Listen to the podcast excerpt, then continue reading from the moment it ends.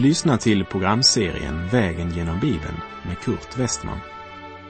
Programmet sänds av Transworld Radio och produceras av Norea Radio Sverige. Vi befinner oss nu i Hebreerbrevet. Slå gärna upp din bibel och följ med.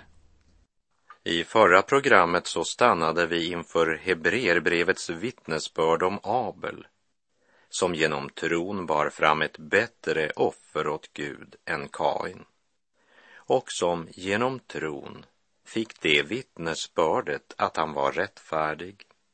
Och vi hörde om Hanok som togs bort utan att möta döden. Man fann honom inte mer, ty Gud hade tagit honom till sig. Och innan han togs bort hade han fått det vittnesbördet att han funnit nåd hos Gud. Dessa vittnesbörd finner vi i Hebreerbrevets elfte kapitel, som också kallas för trons kapitel eller trosvittnenas kapitel. Och de två första trosvittnen har vi ju redan bekantat oss med, som var Abel och Hanok. Och redan efter dessa två exempel så slår Bibeln fast att utan tro är det omöjligt att behaga Gud. Vi läser Hebreerbrevet 11, vers 6. Men utan tro är det omöjligt att behaga Gud. Ty den som kommer till Gud måste tro att han är till och belönar dem som söker honom. Utan tro är det omöjligt att behaga Gud. Innan Hanok togs bort så hade han fått det vittnesbördet att han funnit nåd hos Gud. Hur fann Hanok nåd hos Gud? Genom tron. Ty den som kommer till Gud måste tro att han är till och belönar dem som söker honom. Hebreerbrevet talar en hel del om belöning och orsaken till det det är att brevet fokuserar på det kristna livet. I ljuset av att vi har en uppstånden och levande frälsare som återvänt till himlen och sköter vår sak inför Guds tron, så följer det också en belöning för dem som söker honom och lever i ljuset. Frälsningen är inte en belöning, den är en fri gåva. Du arbetar för din belöning, men inte för frälsningen. Samtidigt måste vi säga att frälsningen kommer genom tron, liksom den kristnes livsvandring kommer som en frukt av tron. Hanok vandrade i tro tillsammans med Gud. Trons vandring med Gud slutar aldrig med döden men i Guds eviga gemenskap, i evig glädje, salighet och frid. Löftena kan inte svika, nej, det står evigt kvar. Jesus med blodet beseglat allt vad han lovat har. Kraften till att tro ligger i det som Gud gav oss i Kristus som gick smärtornas väg ut till Golgata för att försona vår synd och skuld och bygga en ny och levande väg som vi kan gå tillsammans med Gud under ordets och andens ledning. Och den som kommer till Gud på den vägen blir tillräknad Kristi fulla rättfärdighet och står därför fullkomligt ren inför Guds ögon i kraft av Lammets blod. På denna grund ger oss tron visshet om frälsning, frid med Gud och kraft att segra i striden. Ty den ande som Gud har gett oss gör oss inte modlösa, utan är kraftens, Kärlekens och självbärskningens ande, skriver Paulus i Andra Motusbrevets första kapitel, vers 7. Och så var det också med Noas tro. Vi läser Hebreerbrevet 11, vers 7.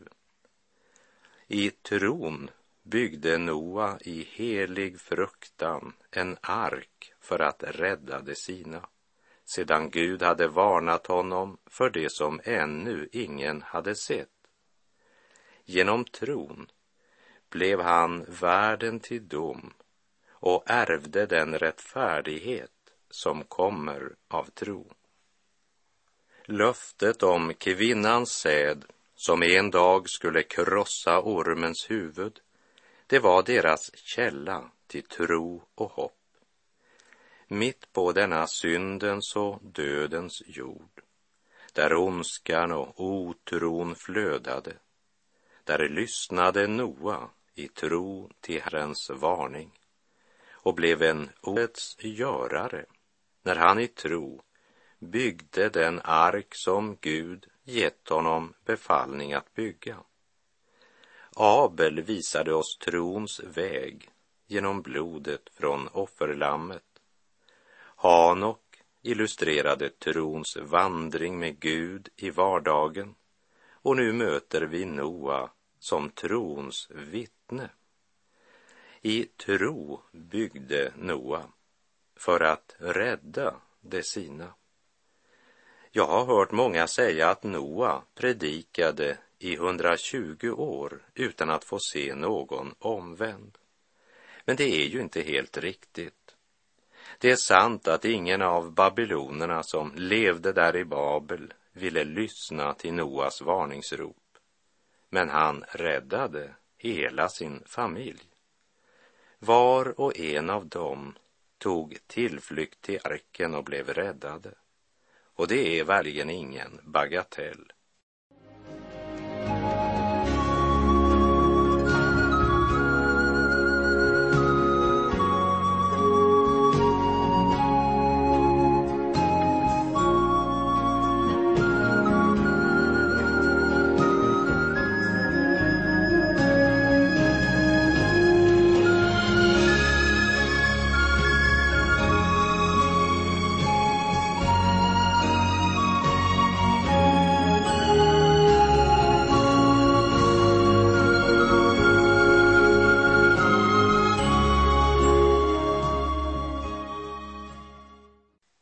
Även när det gäller Noa känner jag det nödvändigt att ta en tillbakablick i Första Mosebok för att se närmare på denne man som omtalas i trons kapitel.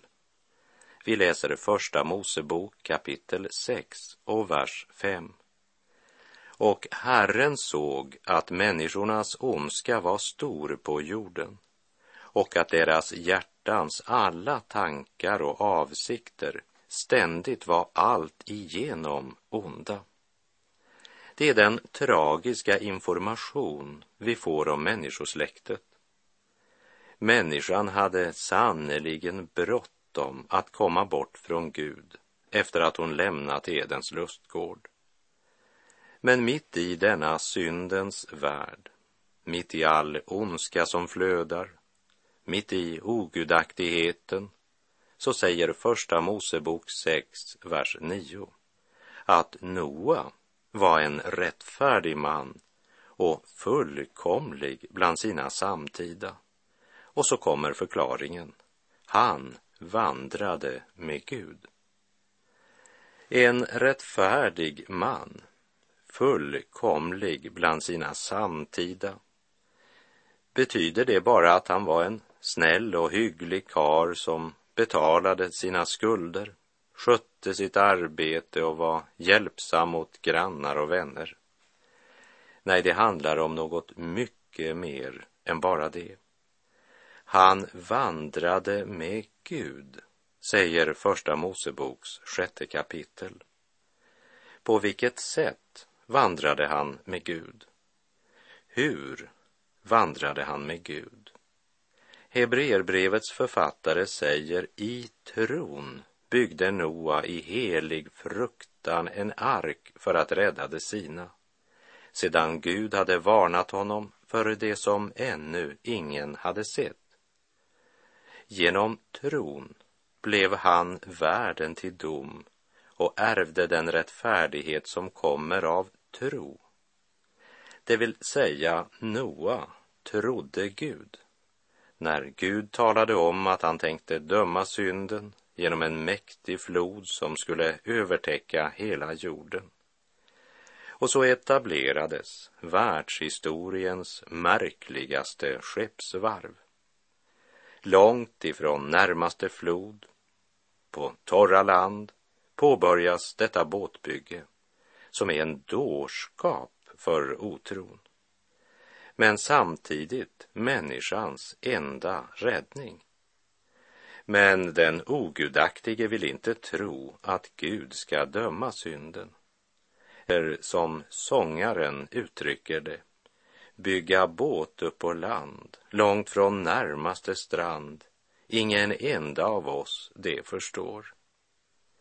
Noa bygger en båt av en enda orsak. Gud har sagt att det ska komma en väldig flod som kommer att utrota alla varelser under himmelen som har livsanda. Allt på jorden ska förgås, hade Gud sagt.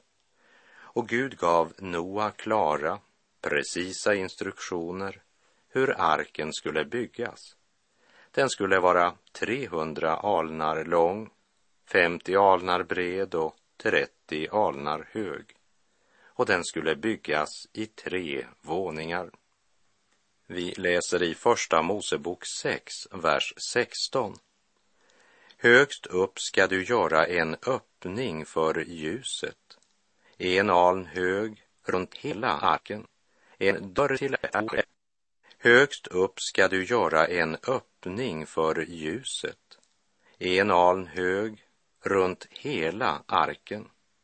En dörr till arken ska du sätta på sidan du skall inreda den så att den får en undervåning, en mellanvåning och en övervåning. Folket i grannskapet, de ansåg nog det här gigantiska båtbygget som ett vansinnesprojekt. Den skulle nog aldrig bli färdig. Han hade nog gapat över för mycket, den gamle Noa. Det var nog mer än en grupp människor som vallfärdade till området för att se på det omtalade dårskapens projekt. Du får räkna med att Noa och hans familj, de fick utstå många glåpord, förlöjligande kommentarer. Skratten ekade vida omkring. Ja, det krävdes verkligen tro för att bygga en ark på torra land när man inte ens kunde skymta det minsta regnmoln en gång. Och Hebreerbrevet 11, vers 7 säger alltså I tron byggde Noa i helig fruktan en ark för att rädda de sina, sedan Gud hade varnat honom för det som ingen ännu hade sett. Jag har ofta undrat vad det var som fick Noas söner, Sem, Ham och Jafet, att återvända hem. För de hade säkert flyttat till olika platser där de bedrev sin verksamhet. Ham kanske drev byggfirma i Babel, framgångsrik och upptagen. Men en dag så får han på byggplatsen höra någon berätta från en resa de gjort långt norr i landet. De berättade om en man som byggde en jättebåt långt inne på torra land. Alla skrattade åt det dåraktiga projektet. Även Ham skrattade. Då gjorde hans byggverksamhet större nytta. Dessutom gav det ju också ganska så stor förtjänst. Men så frågar han. Var du själv dit och såg båten? Har du sett åren som startat projektet? Ja, svarade man. Det är faktiskt sant, hur otroligt det än låter och byggledaren heter Noa. Och han sa att det var Gud som hade sagt han skulle bygga den här båten. För det skulle komma en jätteflod över hela jorden. Nu blir Ham blek och så säger han båtprojektets byggledare är faktiskt min far. Jag vet att det kan höras helt tokigt ut, men ni känner inte min far. Han vandrar i daglig gemenskap med den levande Gud. Själv har jag liksom kommit bort ifrån allt det där, men om min far säger att det skall komma en flod, så kommer det en flod. Det kan ni lita på. Jag har växt upp i det hemmet och jag är klar över att jag inte alltid är så ärlig. Men det är min far. Han har aldrig ljugit för mig. Min far levde med Gud, kände Gud och var känd av Gud. Och nu tänker jag ta min hammare och såg och återvända hem och hjälpa till med bygget. Min far Noa kan man lita på. Och kanske hade Sem och Jafet liknande erfarenheter. Vi vet inte. Men vad vi vet, det är att de alla återvände hem med hustrur och barn och deltog i skeppsbygget. Bygget som ingen tog på allvar förrän det var för sent. Och här vill jag läsa vad Jesus säger i Matteus 24, verserna 37 till och med 39. Ty som det var i Noas dagar, så skall det vara vid Människosonens återkomst. Som människorna levde dagarna före floden, de åt och drack, gifte sig och blev bortgifta, ända till den dag då Noa gick in i arken. Och de visste ingenting förrän floden kom och ryckte bort dem alla. Så ska det vara vid Människosonens ankomst. Därför, kära vän, det viktigaste du kan göra, det är att vittna för dina föräldrar, dina barn, dina barnbarns släktingar och vänner. Inte genom att tjata på dem, men genom att leva ut evangeliet i vardagen, genom att leva och vandra i tro.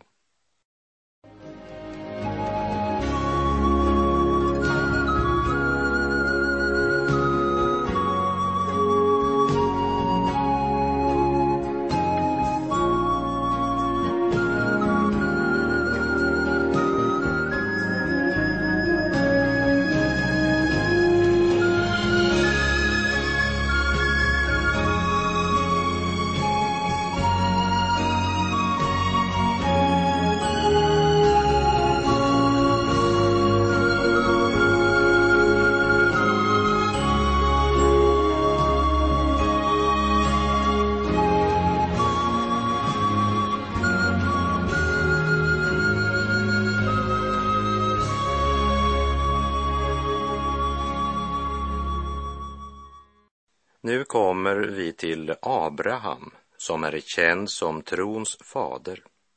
Det är så Guds ord karaktäriserar den mannen. Abraham är det suveräna exemplet på tro i Romarbrevet och även i Galaterbrevet. Även evangelierna refererar till Abraham. Och Jesus själv sa om Abraham i Johannes 8.56 Abraham, er fader, jublade över att få se min dag. Han såg den och blev glad. Abel visade oss trons väg genom blodet från offerlammet. Hanok illustrerade trons vandring med Gud i vardagen. Noa talade om att vara trons vittnen i vår samtid. Och när vi nu kommer till Abraham så talar det om trons tillbedjan. Hebreerbrevet 11, vers 8. I tron lydde Abraham när han blev kallad att dra ut till det land som han skulle få i arv. Och han begav sig iväg utan att veta vart han skulle komma. Hebreerbrevet har gjort klart för oss att tillbedjan av Gud leder också till lydnad för Gud och till tjänst för Gud. Tro och lydnad leder oss till att göra det som Gud vill att vi ska göra. Vi ska inte försöka övertala andra att göra en insats eller ge dem en utmaning att engagera mer av sin tid för Gud. För det ger ingen hållbar motivation.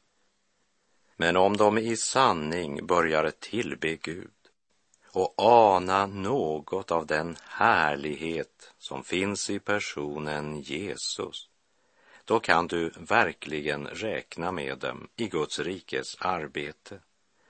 För de kommer både att tjäna Gud av hjärtat och de kommer att lyda Herrens vilja. Och du ska veta att det viktigaste ordet i vers 8, det är ordet lydde. I tron lydde Abraham när han blev kallad. Abraham var en man som byggde altaren och tillbad Gud. Och sann tillbedjan leder till lydnad. I Första Moseboks tolfte kapitel, där Abrahams historia börjar, där läser vi att han lämnade Ur i Kaldén och kom till Haran. Där frestades han att slå sig ner en tid, men slutligen kom han vidare och nådde Kanans land som Gud med ed hade lovat honom. Och när Abraham hade kommit till Kanan så uppenbarade Gud sig för honom. Och i Första Mosebok 12, vers 7 så står det. Och Herren uppenbarade sig för Abraham och sade åt dina efterkommande ska jag ge detta land. Då byggde han där ett altare åt Herren som hade uppenbarat sig för honom. Vart Abraham kom så byggde han ett altare. När han flyttade till bergsbygden öster om Betel reste han ett altare där. Överallt där Abraham drog fram lämnade han efter sig ett vittnesbörd om Gud. Och vi kan fråga oss, vilket vittnesbörd har du och jag? Vilka spår lämnar vi efter oss?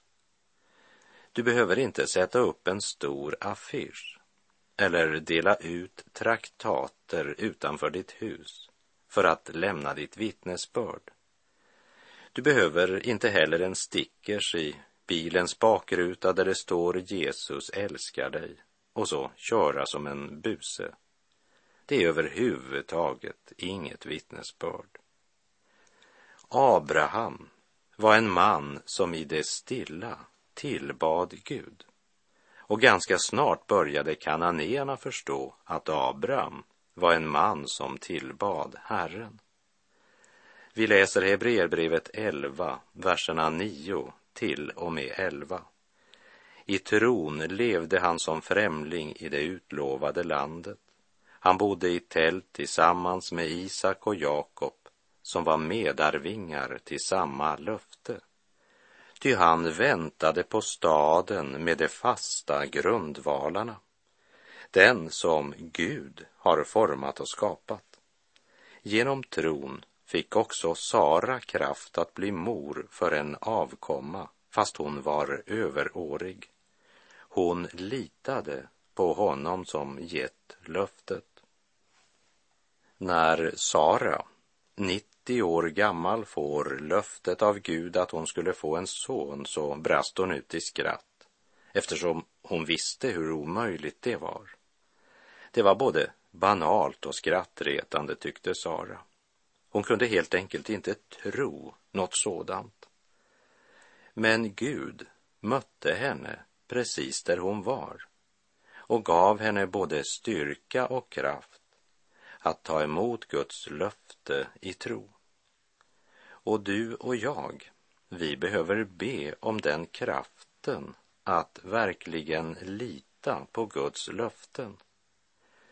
Du kanske minns från vår vandring genom Markus evangeliets nionde kapitel mannen som kom till Jesus med sin son som var besatt av en stum ande.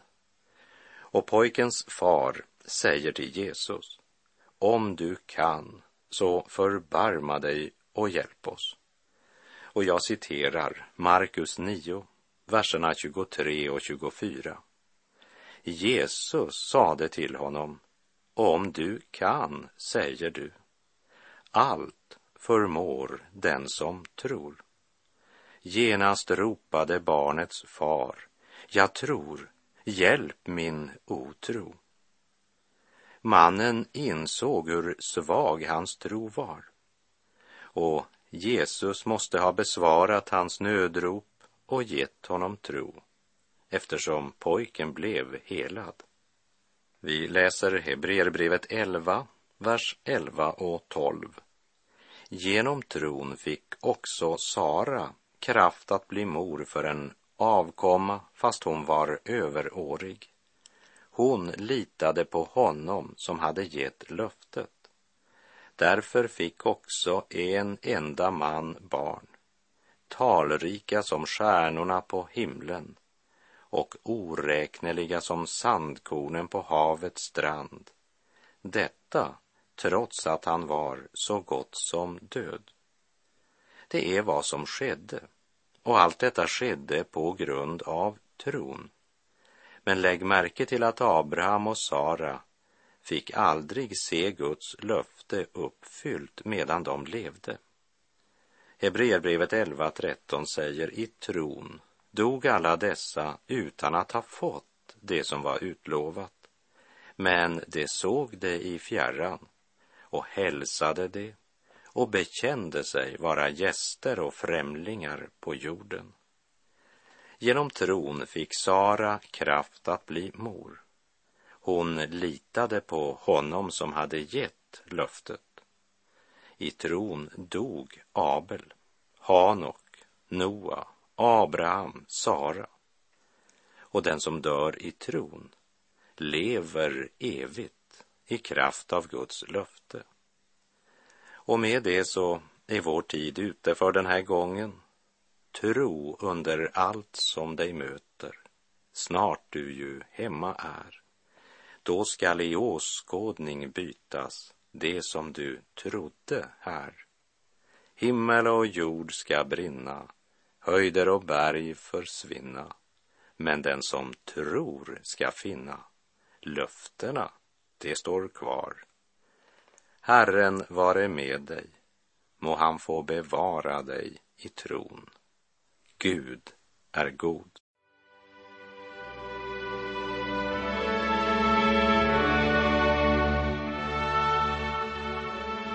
Du har lyssnat till programserien Vägen genom Bibeln med Kurt Westman som sänds av Transworld Radio. Programserien är producerad av Norea Radio Sverige. Om du önskar mer information om vårt radiomissionsarbete så skriv till Norea Radio Sverige, box 3419 103 68 Stockholm. Adressen är alltså Norea Radio Sverige, box 3419. Postnumret 10368 Stockholm.